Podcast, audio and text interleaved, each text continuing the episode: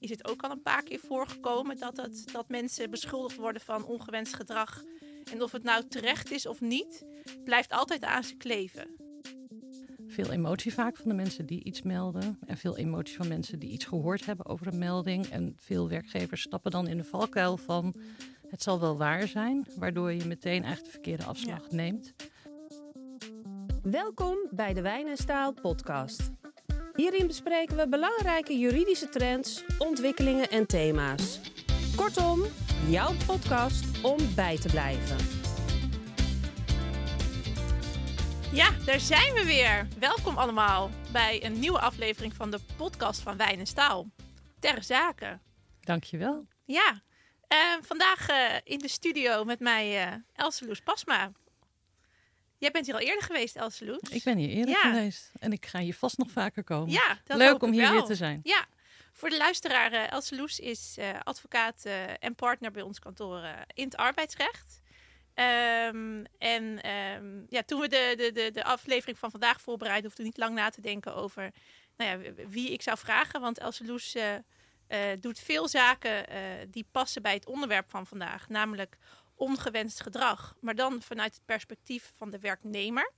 Jij bent hier ook al een keer eerder geweest. Toen hebben we het gehad meer over de, uh, ditzelfde onderwerp, maar dan vanuit het perspectief van de werkgever. Wat moet je nou doen als er een melding komt en wat voor procedures moet je volgen? Um, maar wat we steeds vaker zien in onze praktijk, en zowel ook, natuurlijk ook in, het, uh, in de media, maar we merken dat zelf ook best wel, vind ik, is dat uh, natuurlijk ook, nou ja, als er meer meldingen gedaan worden, zijn er ook meer mensen die hulp nodig hebben, omdat ze ergens van beschuldigd worden of omdat er een melding wordt gedaan over hen. En we gaan het vandaag hebben over de vraag: ja, wat, wat zijn nou goede dingen om te doen als je nou ja, zelf te maken krijgt met zo'n beschuldiging? Klopt. Ja. ja. ja. Heel ingrijpend uh, voor mensen als ze het meemaken. Ja. En het kan iedereen gebeuren. Ja, dat vooral, hè? Ja. Het, het, bedoel, ik, ik denk dat de meeste mensen van zichzelf denken dat het, dat, nou ja, weet je, dat, dat, dat overkomt mij niet. Ik doe mijn werk goed, ik ben vriendelijk, ik ben aardig. En toch kan het iedereen gebeuren. Ja, zeker. Ja. En ook natuurlijk een beetje hoge bomen vangen veel wind. Hè? Ja. Als je een machtspositie hebt, gebeurt het vaker dat er over je gemeld wordt. Um, dus nou ja, daar gaan we het over hebben. Ja. Er is een hele hoop over te vertellen. En ook een heel groot afbreukrisico. Want het is wel iets, uh, nou ja, wat we natuurlijk ook wel gezien hebben bij wat, wat nou, mediakopstukken, noem ik het maar even, die, uh, uh, die hiervan beschuldigd zijn en wiens carrière eigenlijk gewoon voorbij is. Ik denk in de politiek is het ook al een paar keer voorgekomen dat, het, dat mensen beschuldigd worden van ongewenst gedrag. En of het nou terecht is of niet, blijft altijd aan ze kleven. Klopt, ja. klopt. Dus het nou, is... je, kunt, je kunt er wel wat aan doen, maar daar gaan we het zo Ja. over hebben. Om, om te zorgen dat die smet niet te groot wordt en niet te groot blijft. Maar dat vergt wel ehm, maatwerk en heel veel fine-tuning en de goede dingen op het goede moment doen.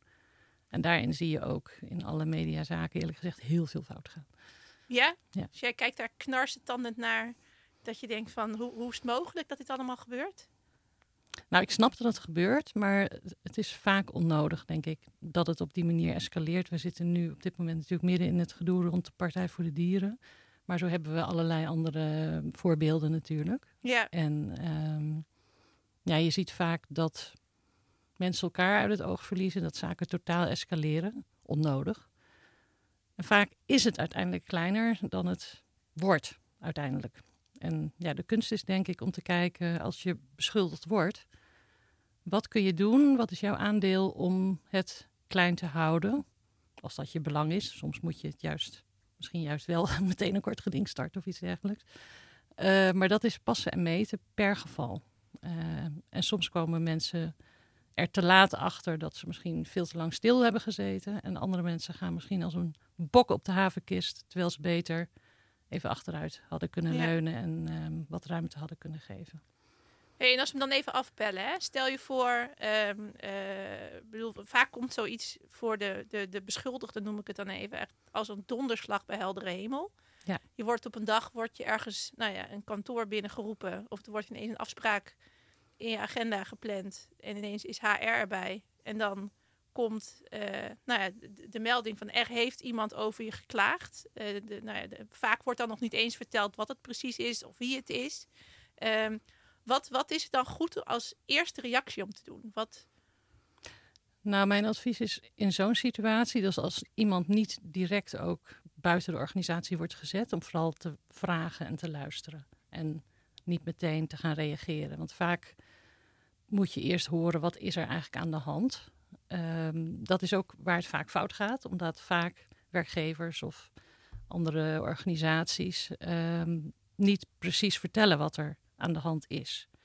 En dat komt soms ook omdat je natuurlijk te maken hebt met anonieme verklaringen van mensen. En dat werkgevers bang zijn om te veel feiten te vertellen, zodat dan de beklaagde ook precies weet: oh, dit was Jantje, heeft dit over mij verteld, of Pietje.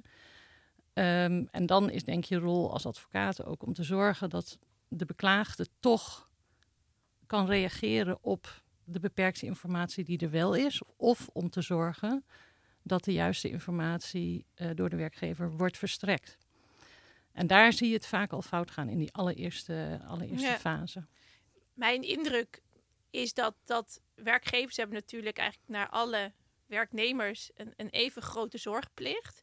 Maar dat de zorgplicht naar de personen die nou ja, meldingen hebben gedaan of die menen eh, nou de onderwerpen, of hoe noem je dat, eh, subjecten zijn geworden van, van ongewenst gedrag. Ja. Dat daar een grotere eh, zorgplicht voor in acht wordt genomen, soms dan voor degene die beschuldigd wordt. Ja, in de algemene zin Ja. helemaal eens. Ja. Dat, dat is de grote valkuil. Ja, Dat vanuit, nou ja, de werkgever hoort dingen, signalen, meldingen.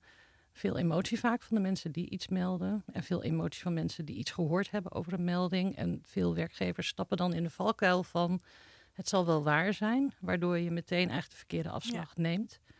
Dus het is heel belangrijk voor de werkgever om neutraal te blijven. Want dan is er ook een daadwerkelijk onderzoek of een daadwerkelijk gesprek met een beklaagde mogelijk. En voor degene die zeg maar subject is van de meldingen, ja, die doet er goed aan om te proberen dat het nog een soort neutrale fase kan zijn. Ehm, En hoe, hoe bewerkstellig je dat dan? Want je komt in een soort van dynamiek terecht van, van mensen die allemaal, nou ja, hun oordeel al klaar Ja. lijken te hebben. Hoe, hoe, hoe buig je dat om?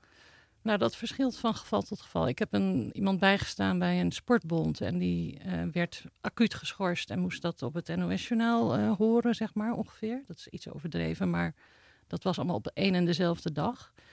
Ja, dan kun je niet heel lang neutraal blijven en moet je ingrijpen om eigenlijk dat, die rechtsongelijkheid te herstellen. Maar als iemand ehm, gewoon te horen krijgt, god, er zijn bevindingen over jou en wij gaan dat onderzoeken, dan doe je er denk ik verstandig aan om daar toch neutraal eh, ook op te reageren. En te zorgen dat die werkgever ook in de zakelijke stand wordt gebracht. Dus dat, en dat is dan vaak een taak van ons als advocaat om te zeggen, nou werkgever, nog niks staat vast. Ga je het onderzoeken? Dan willen wij weten wat is het onderzoek, door wie, nou, voldoet dat aan de, aan de Ja. eisen van de kunst. Uh, en op die manier probeer je dan die rechtsongelijkheid, die vaak acuut ontstaat, die probeer je op dat moment te herstellen.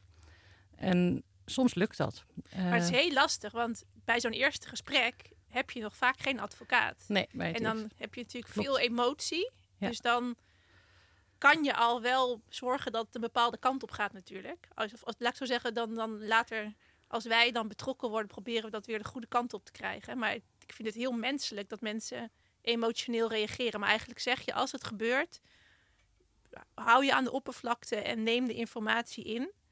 Dat is het beste Ja. advies. Kijk, en dat mensen natuurlijk primair gaan reageren en Ja. emotioneel zijn, dat is op zich ook niet erg. Alleen een dag later ontstaat er al ruimte voor nou ja, juridisch advies en even een beetje meer afstand nemen op wat is nou verstandig in dit traject. En dat is heel belangrijk ook voor de slagingskans uiteindelijk. Van, Ja. Want de vraag is ook altijd aan iemand die beschuldigd wordt: van ja, kun je nog door? Wil je nog door? En waar wil je uitkomen met deze zaak? En voor veel mensen is uiteindelijk dat die smet van hun reputatie afgaat, of de beschuldiging van tafel, is het allerbelangrijkste. Meer dan ik wil een enorme uh, grote financiële vergoeding omdat uiteindelijk vaak die financiële vergoeding aardig lijkt, als je daar nou, via de rechter dan uiteindelijk op uitkomt. Maar um, zo'n smet blijft je hele leven. Dat Ja. is altijd terug te vinden, zeker mensen die in de media ehm, bekend zijn. En dat komt vaak voor in zaken die wij doen. Dus ja, dan komt het in de krant. Ja. Ja, dan is het leuk dat je een jaarsalaris meekrijgt. Maar Maar uiteindelijk... ook als het niet in de krant heeft gestaan. Wij hebben Ook. ook, al wel een paar keer een zaak Klopt. gehad dat een werkgever een werknemer had aangenomen. En dat later uit eh, nou, het wandelgangen of, of het Ja. circuit, dat er ineens verhalen eh, over die persoon kwamen. En dat een nieuwe werkgever dan eigenlijk wel weer dat contract direct wil beëindigen. Wat natuurlijk juridisch heel ingewikkeld Klopt. is. Maar ook, en er waren geen mensen die in de media zaten. Eh, ja, nou, er komen nu allemaal voorbeelden op inderdaad. Sommige wel, sommige anoniem, niet. Hou het anoniem. Maar het is natuurlijk waar dat, Ja. dat ook in zeg maar eh, gewoon het relatienetwerk in een sector. Ja. Het, het zijn zingen. mensen eh, zitten allemaal in kringen van mensen die Ja. elkaar kennen. Ja. Dus ehm, en als je eenmaal zo'n smet hebt en je hebt het niet weten te pareren of recht te zetten of te nuanceren. Ja, dan, eh, dan heeft dat schade gewoon Ja. voor de rest van je werkzame leven en vaak ook in de privésituatie. Hey, en wat je ook vaak ziet is dat bij zo'n eerste gesprek dan kondigt een werkgever aan, we gaan een onderzoek eh, eh, uitvoeren. En hangende dat onderzoek ben je geschorst. Ja. Wat, wat, wat is daar een goede reactie op? Of wat, is het nou verstandig om daaraan mee te werken of je daartegen te verzetten? Ehm, soms is het verstandig. Nou, schorsen is sowieso natuurlijk een heel heftig middel, want dat is al een soort sanctie. Hè? Dan, dan moet een werkgever zwaarwegende gronden hebben. Ehm, dus ik zou zeker niet standaard daaraan meewerken. En er kan, voor, een, voor een medewerker is het vaak belangrijk om in de arbeidsorganisatie te blijven rondlopen. Misschien soms met bepaalde beperkingen, dat hij met bepaalde personen niet spreekt. Maar weg is weg. En wat ik ook altijd vind is dat als iemand uit de arbeidsorganisatie is, verlies je daarmee ook hele, heel veel bronnen van contact en van informatie. Dus je weet dan niet meer hoe er over je gesproken wordt. Jouw collega's bellen je steeds minder. Er komt gewoon een hele grote kloof ook, toch? Kloof. Dan- dan en ook jij- rechters ja. denken toch vaak, Ja. nou, weg is weg, eerlijk Ja. gezegd, als je uiteindelijk bij een rechter komt. Dus ehm, En Soms ook de is het- verhalenmachine blijft dan maar gaan. Toch? Absoluut. Want dan is iemand weg. en het is dan, één dan, ja. richting dan op. Ja. Dus je hebt inderdaad geen invloed meer op die informatiestroom.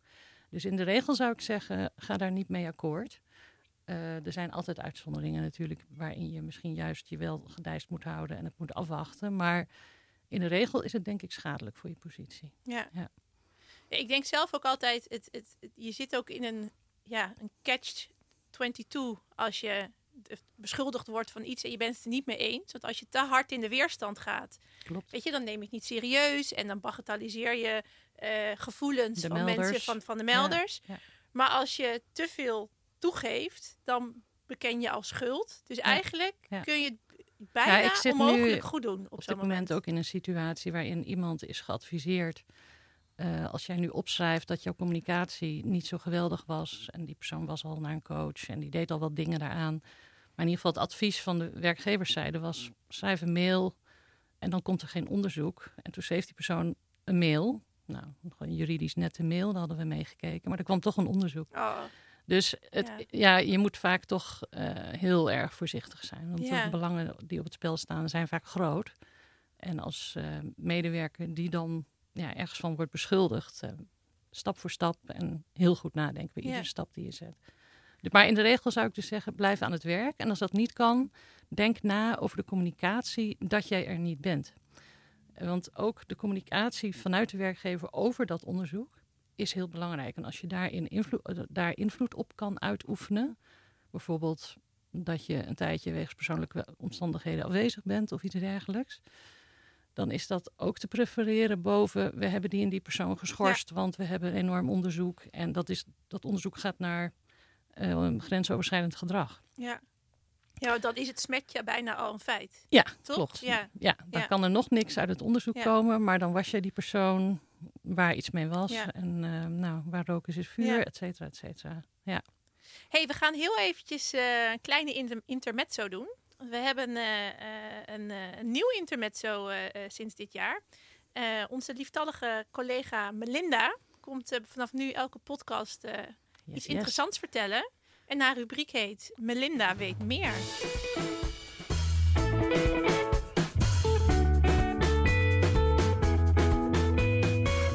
Dankjewel, Maaike. Eh, ik heb iets over over meldingen. We hebben het heel vaak over meldingen, maar meldingen alleen zijn geen goede graadmeter voor een veilige werkcultuur. In 2022 zijn de cijfers in kaart gebracht hoe vaak ongewenst gedrag op het werk voorkomt en hoeveel slachtoffers daadwerkelijk steun zoeken na een incident. Uit deze cijfers blijkt dat 1 op de 8 medewerkers ongewenst gedrag op het werk meemaakt. Bij vrouwen is dit bijna 14% en bij mannen bijna 11%. Het ongewenst gedrag wordt daarentegen weinig gemeld bij de leidinggevende en de vertrouwenspersoon.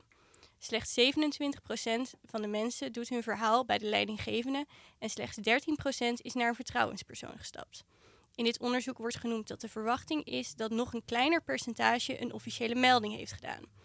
Daaruit blijkt dus dat het aantal meldingen niet per se iets zegt over de veilige werkcultuur binnen een organisatie. Het is het spreekwoordelijke topje van de ijsberg, aangezien het merendeel van de incidenten niet wordt gemeld. Dit blijkt ook uit verschillende onthullingen uit de media, bijvoorbeeld bij The Voice. Daarom is het voor een werkgever van belang om ook al voortijdig alert te zijn op signalen van grensoverschrijdend gedrag, zoals verhalen en geruchten, en om op basis daarvan zorgvuldig te kijken of vervolgstappen moeten worden genomen. Een vervolgstap kan bijvoorbeeld zijn door met elkaar in gesprek te gaan. Dan gaan we weer terug naar jou, Maaike.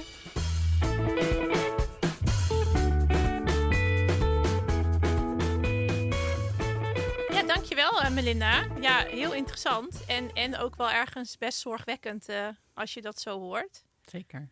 Moet, moet wel een kleine kritische kanttekening maken. Of tenminste iets wat direct bij mij opkomt. Dat het, het, en dan moet ik natuurlijk uitkijken dat ik niet zelf gecanceld word straks. maar dat het woord onveiligheid... Ja vind ik, wordt heel snel in de mond genomen. Onveiligheid vind ik echt een hele, hele heftige term. Uh, en die wordt in mijn ogen soms ook wel gebruikt voor iets wat meer neigt naar ongemak of minder leuk of niet alleen maar positief.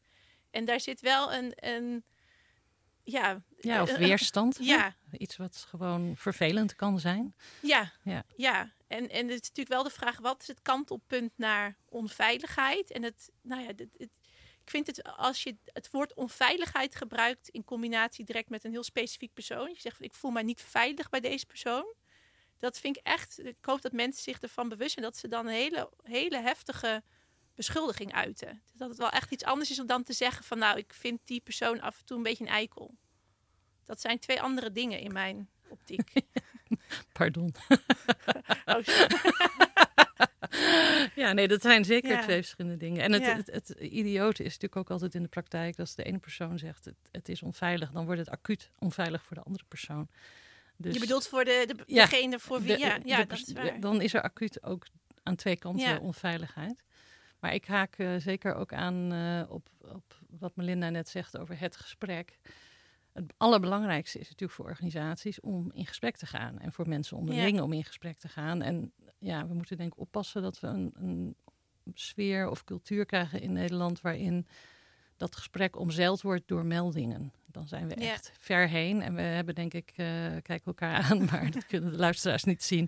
We hebben allebei denk ik zaken waarin uh, mensen dat gesprek zijn kwijtgeraakt. En dan vervolgens uh, via meldingen iets proberen te veranderen, wat dan vervolgens meestal escaleert. En ja. dan heb je dus advocaten nodig, waar in principe mensen onderling natuurlijk helemaal geen advocaten nodig zouden moeten hebben. Nee, soms kan het ook in de kiem ja. natuurlijk gewoon gesmoord worden met een goed gesprek. Ja. En, en, een eerlijk gesprek ook vooral. Dat, dat, dat, zeg maar, dat mensen gewoon eerlijk zeggen van... joh, wat je daar zegt en wat je doet, vind ik niet leuk.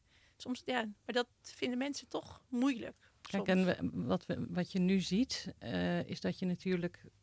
en dat adviseren wij soms ook zelf natuurlijk in zaken van... als we aan de werkgeverszijde zitten van... nou, doe maar wel eerst een onderzoek. Uh, en kijk dan waar je staat. Um, maar een van die onderzoekers zei laatst ook tegen mij van ja, een gesprek zou misschien in deze situatie beter zijn. Toen wilden alle betrokkenen wilden een onderzoek, dus toen kwam er alsnog een onderzoek. Ja.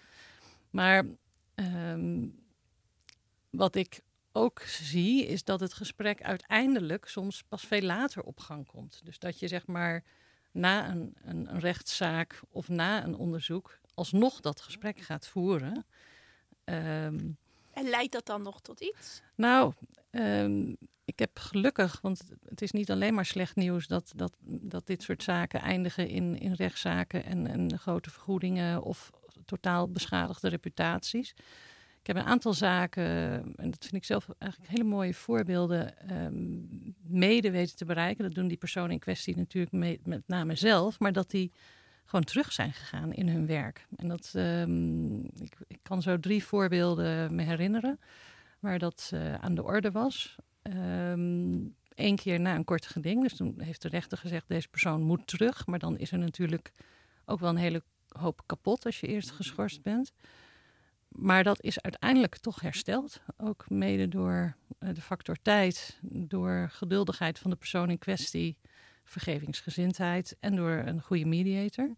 Vind ik wel heel bijzonder. Is heel bijzonder. Want in het arbeidsrecht is het toch vaak als je een, een, kort geding tot werkstelling doet en dat wordt toegewezen, is dat eigenlijk de opmaat voor ja. verdere onderhandelingen over een exitregeling. En dat het, dat het dan juist in zo'n situatie wel lukt. Ja, ook een keer. Um, ja, soms zijn mensen ook zo aan en die hebben zo'n specifiek specialisme dat ze eigenlijk hun vak alleen maar op die ene plek in Nederland bijvoorbeeld kunnen uitoefenen. Dus die hebben dan een enorm groot belang om daar terug te keren. En um, ik zat een keer op voor een psychiater die um, nou ja, ook ergens van werd beschuldigd dat hij iemand, uh, die had eigenlijk een vriendschappelijke knuffel gegeven. Maar dat werd door heel veel collega's uitgelegd als iets anders. Niet door de persoon in kwestie die de knuffel had ontvangen of terug had gegeven.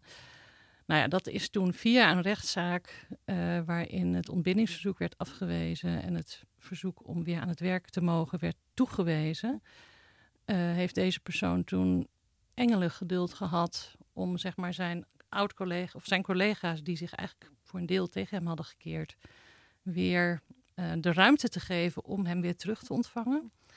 Er zijn vele maanden overheen gegaan, veel meer dan de rechter met het vonnis had gezegd dat er nodig was. Uh, maar dat is wel geslaagd. En als dat dan slaagt um, en iemand is vervolgens echt gelukkig weer in zijn werk ja. en in zijn enorme deskundigheid daar, ja, dan is dat natuurlijk fantastisch. Dus het, ja. het, kan wel. Ik weet ook nog een ander voorbeeld waar iemand in een andere functie is teruggegaan, een hele grote organisatie. Um, maar is toch vaak beter dan um, helemaal weg. Maar dat, dat hangt er vanaf. Er zijn natuurlijk ook mensen die zeggen: doe mij maar een geldsom. En dan is ja. dat waar je voor gaat. Maar er is soms herstel van verhoudingen mogelijk. Nou, dat is in ieder geval wel een hele positieve, ja. Ja. positieve uh, hoe noem je dat? Uh, vooruitzicht voor sommige mensen. Want ik kan me wel voorstellen als dit je gebeurt, je zit er middenin, dat het, dat het zo ingrijpend is op alle facetten van je leven, dat je dan niet meer kan geloven dat het goed komt. Nee, ik denk ook dat dat zo is. En dat is voor de persoon in kwestie zo. Maar daar zit ook een, een familie en een echtgenoot en zo vaak bij die soms nog veel uh, zwaarder lijden onder het geheel. En het mooie is natuurlijk, wat ik straks zei over vaak is voor mensen herstel van reputatie het allerbelangrijkste. Want die moet je de rest van je leven nog uh, gebruiken. Ja. En dat is door ergens in dienst te blijven, laat je eigenlijk zien dat je re reputatie ja. in orde is gebleven. Ja. Dus dat, in dat opzicht is dat soms echt een hele mooie route. Ik heb zelf ook een keer een zaak gehad waarbij die de persoon in kwestie, die had ook een tijdelijk contract. Dus in dienst blijven was niet echt een, uh, daar hebben we ook niet op ingezet. Maar die is wel door de rechter zodanig gerehabiliteerd dat hij daar, nou, dat hij uiteindelijk ook een, met een heel prettig gevoel de zaak heeft kunnen afsluiten. Dus ik vond dat toen zelf ook wel fijn om te lezen dat een rechter waar een werkgever natuurlijk wel vaak nou ja, een beetje de kant kiest van, van degene die de, de beschuldigingen uit. Dat de rechter daar echt heel kritisch op was. Uh, de, de, daar was echt van alles aan de hand. Hij werd van, van alles en nog wat beschuldigd van uh, dus een omgang met wat jongere dames en, en ook wat in, integriteitsdingen. Ja. En dat ging op den duur ook zo zoomen in die organisatie dat het onhoudbaar werd. Dat vond de werkgever in ieder geval. En de rechter heeft in die zaak heel mooi afgepeld. Van, ja, wat is er nou precies gemeld? Hoe is dat bewezen? Wat is er niet bewezen? Wat, wat, even terug naar de feiten. Dus even alle ruis weg, terug naar de feiten. Wat is nou eigenlijk aan de hand? Ja. En eigenlijk is hier helemaal niks aan de hand. En dat, die, die vaststelling in, het, uh, in de beschikking, in combinatie met ook een forse vergoeding en een vergoeding van de volledige advocaatkosten, dat maakte ook ja. dat mijn cliënt gelukkig weer, uh, weer verder kon. Nou, ja. dat is natuurlijk soms ook een super uitkomst. Ja. Um, wat je ziet, ik mag toevallig over dit onderwerp, uh, nou niet helemaal toevallig, ook uh, met rechters af en toe ehm, praten of hen daaronder over doseren. Is dat ze er wel heel verschillend mee omgaan. Hè? Dus jouw uitspraak ehm, heb ik als een schoolvoorbeeld ook voorgehouden aan die groep. Omdat dat daar heel mooi in wordt afgepeld. Maar je ziet ook dat rechters soms een kortere afslag nemen en bijvoorbeeld wel aannemen dat iets is gebeurd. Te simpel. En dan in appel zegt het gerechtshof vaak van ja, maar het moet wel bewezen worden dat dat Ja. is gebeurd. En vaak gaat dat mis. Ja. Want dan is er, het, het is vaak niet te bewijzen. Of het komt niet vast te staan. En dan was het toch een roddel en achterklap bij collega's. En uiteindelijk heeft niemand het echt gezien. Of, En vaak komt het dan toch ook uiteindelijk neer op een verstoorde arbeidsrelatie. Dus dat heb ik ook wel eens gezien, dat dan een beetje het midden wordt gelaten van ja, was het nou waar of niet? Feit is wel dat deze persoon niet meer houdbaar is in de organisatie, dus ontbinding. Ja, en dat is ook iets eh, als zeg maar zo iemand die met een melding wordt geconfronteerd eh, bij ons eh, binnenkomt en zegt help me alsjeblieft. Dan is dit ook meteen iets helemaal in het begin om in de gaten te houden van zorg dat je ook wegblijft bij die verstoring. Want anders word je, is er misschien niks aan de hand en dan word je op die grond ontslagen. Ja. En, ehm, en soms is het niet anders, want dan raakt het ook totaal verstoord. Want je moet je ook gaan verweren. Misschien Ja. eh, ga je je eigen onderzoek opzetten om verklaringen te verzamelen van collega's die zeggen dat het echt niet waar is. En dat je juist eh, de meest voorkomende en prettige collega bent. Maar de, de kunst is om daar als beklaagde weg te blijven. Ja. Ehm, niet altijd mogelijk, Nee. helaas. Maar ehm, Maar wel fijn dat we ook in ieder geval een paar eh, eh, zaken hebben waarin er een positieve uitkomst is geweest. zeker, Ja. zeker. Ja, daar Hey, doen we we het kunnen voor. hier nog, nog uren over doorpraten, eh, maar de tijd is alweer op. Is het alweer zover? Het is alweer zover. Dankjewel dat je er was. Ik vond het heel leuk. Jij bedankt. Binnenkort weer. Maaike, dankjewel. En eh, ja, dit was hem weer, lieve luisteraars. Tot de volgende keer. Dag. Dit was een podcast van Wijnen Staaladvocaten. Wil je meer informatie over ons kantoor of wat wij voor jou kunnen betekenen? Bezoek dan onze website wijnenstaal.nl.